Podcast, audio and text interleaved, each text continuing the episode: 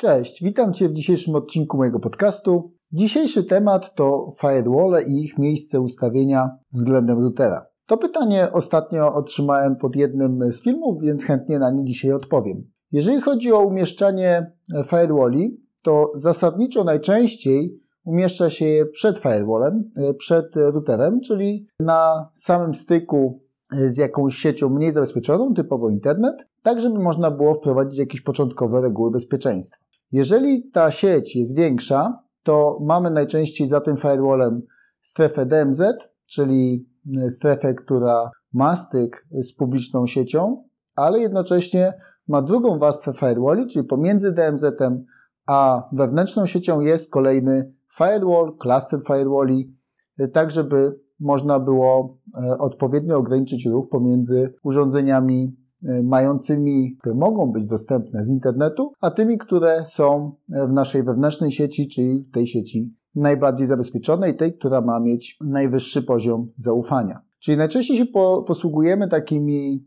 e, pojęciami jak poziom bezpieczeństwa czy zaufania tej sieci i idziemy bardziej na zewnątrz od naszych kluczowych, krytycznych systemów, to stawiamy kolejną warstwę firewalli, e, tak żeby można było ograniczyć wymagany dostęp do minimum. E, dlatego, że jeżeli mamy jakiś, załóżmy, serwer www w naszym DMZ-cie, albo jakiś inny e, publiczny zasób, który ma mieć dostęp od zewnątrz, no na przykład VPN, no to chcemy, żeby minimalna ilość systemów w tym DMZ-cie istniała. A jeżeli chodzi o połączenie pomiędzy na przykład takim koncentratorem VPN-owym a wewnętrznym systemem, na przykład domeną, bo najczęściej uwierzytelniamy użytkowników w oparciu o konta domenowe, no to wtedy e, instalujemy dodatkowo, e, i to jest rekomendacja również Microsoftu, e, taki kontroler w trybie read-only w DMZ. Tak, żeby można było aktualizować dane od wewnętrznej naszej sieci do DMZ-u i posiadać tam informacje o użytkownikach, także można było VPN-a spinać do naszej sieci wewnętrznej, a jednocześnie, żeby od strony DMZ-u nie można było nawiązać połączenia do systemu wewnętrznego. Czyli to jest taka podstawowa zasada jakby zabezpieczania tych naszych zasobów w takim modelu stopniowym. Jeżeli mamy mniejszą sieć, no to najczęściej nie mamy tylu funduszy po prostu, żeby zrobić firewall zewnętrzny, oddzielający internet od DMZ-u i DMZ od sieci wewnętrznej. E, więc tu w zależności od możliwości. Jeżeli mamy e, możliwość tylko zabezpieczenia E, jednego miejsca i tworzymy taki DMZ, no to możemy na przykład taki firewall e, użyć w formie jednocześnie routera i na takim firewallu kreować sobie DMZ jakby taką boczną nogą i kreować reguły, które dotyczą przychodzenia ruchu z internetu do DMZ-u i e, reguły, które dotyczą ruchu od DMZ-u do wewnętrznej sieci lub od wewnętrznej sieci do DMZ.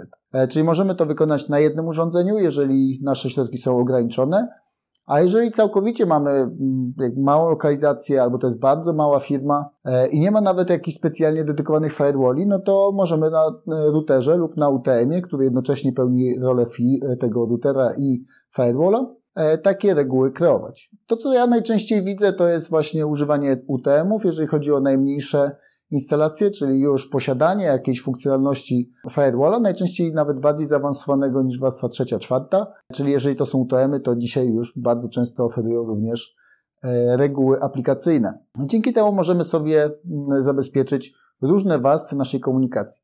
Ale podstawą jest oczywiście zrozumienie, co mamy jako zasoby wewnętrzne, co umieszczamy w DMZ-cie i co udostępniamy do sieci publicznej. I jeżeli to jesteśmy w stanie zidentyfikować i e, wyznaczyć, no to jesteśmy również w stanie e, wymyśleć reguły, które nam implementują tą naszą koncepcję bezpieczeństwa i separacji ruchu. Jeżeli możemy tylko, to oczywiście mając taką pełną wiedzę, co z czym ma się połączyć, e, ograniczamy do minimum ilość dostępnego ruchu, czyli na przykład zakres portów, zakres adresów IP, a jeżeli już idziemy na warstwę wyższą, to protokoły, czy to ma być HTTP, HTTPS, e, czy jakieś inne e, usługi, które wewnętrznie świadczymy. Mam nadzieję, że to wyjaśnia e, pytanie, które otrzymałem. Jeżeli będziesz miał jakieś inne pytanie z tego zakresu lub z innego, to oczywiście pisz śmiało w komentarzu. Jak będę taką informację miał, to chętnie na te pytania odpowiem.